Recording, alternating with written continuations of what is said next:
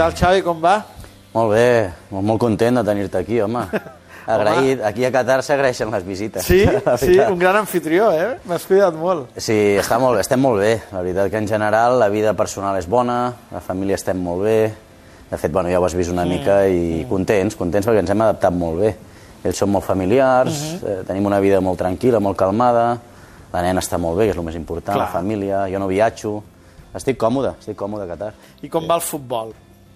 Bé, bueno, m'estic preparant, aviam, el futbol... Perquè ara, ara el mires des de moltes òptiques. Vull Sí. dir, encara ets futbolista, Sí. però ja És estàs mirant mica- també el futur. Exacte, és una mica la transició aquesta de jugador a entrenador. Ja m'estic preparant una mica el futur, ja m'he tret el carnet del B i l'A i em falta el UEFA Pro, que me'l trauré el mes d'abril de l'any vinent, el 2019, i encara estic jugant, encara estic disfrutant, eh, m'ho passo bé tocant la pilota, evidentment és una altra, una altra perspectiva, és un altre nivell, però no és una lliga tampoc per passejar-te, és a dir, has d'estar en forma, hem d'entrenar bé, de fet, mira, ara vinc d'entrenar, i hem entrenat fort, vull dir que estic bé, em trobo bé, còmode, jugant, disfruto, segueixo disfrutant I t'hi veus amb molta corda o no? Jo crec que serà l'últim any aquest ja. Ja una mica més, més que físicament, mentalment. Ja vaig pensant una mica en formar-me d'entrenador, en començar, ja tinc aquest eh, gossanillo, no?, que es diu de, de començar. I m'agradaria començar aquí, a Qatar, perquè crec que és un, un entorn idoni per agafar experiència, per provar-me a mi mateix, eh, per organitzar l'estaff, no? d'alguna manera. Després ja vindran, esperem que vinguin altres coses, no?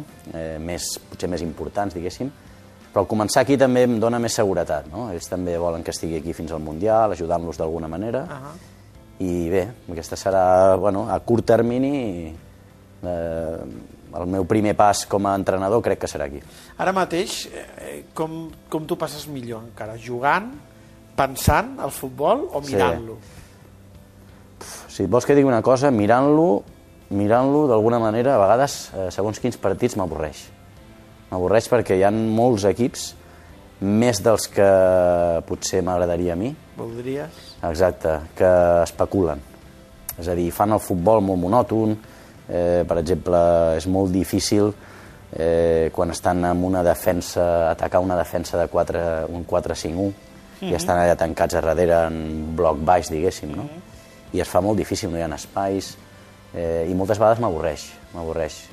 D'altres m'ho passo bé, evidentment, quan trobes dos entrenadors que tenen una proposta ofensiva i que els dos van apretar dalt, saps? Vull dir que veus aquest toma i daca, que, ostres, hi ha un atac allà, un atac aquí, i m'ho vaig mirant més de perspectiva entrenador, eh? Fixa't que ja vaig pensant com buscar els espais, com trobar l'home lliure...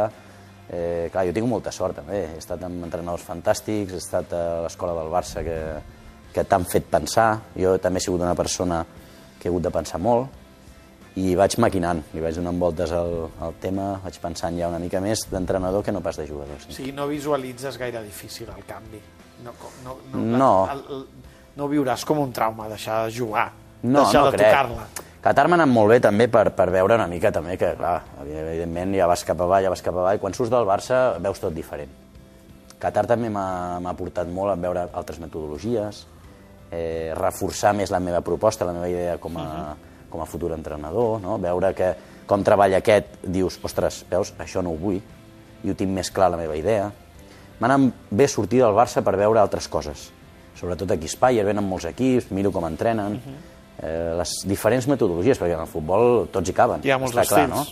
Però jo tinc molt clar, tinc molt clar perquè m'he criat al Barça, eh, he disfrutat jugant a futbol de, amb aquesta idea ben clara de proposta de tenir la pilota, d'apretar dalt, de ser protagonistes en el joc, tot això a mi m'agrada, ho he viscut. I el que em fa més por, més por, diguéssim, el que tinc més en ment és saber transmetre-ho, no? És el més important. Ara, el curs d'entrenador també ens ho deien, no? Que tots tenen una idea de joc, tots tenen la seva idea, uh -huh. però el més difícil és arribar al jugador, convèncer el jugador, no? El missatge. el missatge, sí, exacte. Transmetre, convèncer, tot això es fa més difícil i això és el que més em preocupa, no? D'alguna manera, eh, portar-los cap a mi. Ja saps? Dir, mira, escolta, eh, tranquil, et convenceré de que disfrutaràs, eh, correràs menys, eh, tindrem més la pilota, eh, sentiràs millor, millor jugador...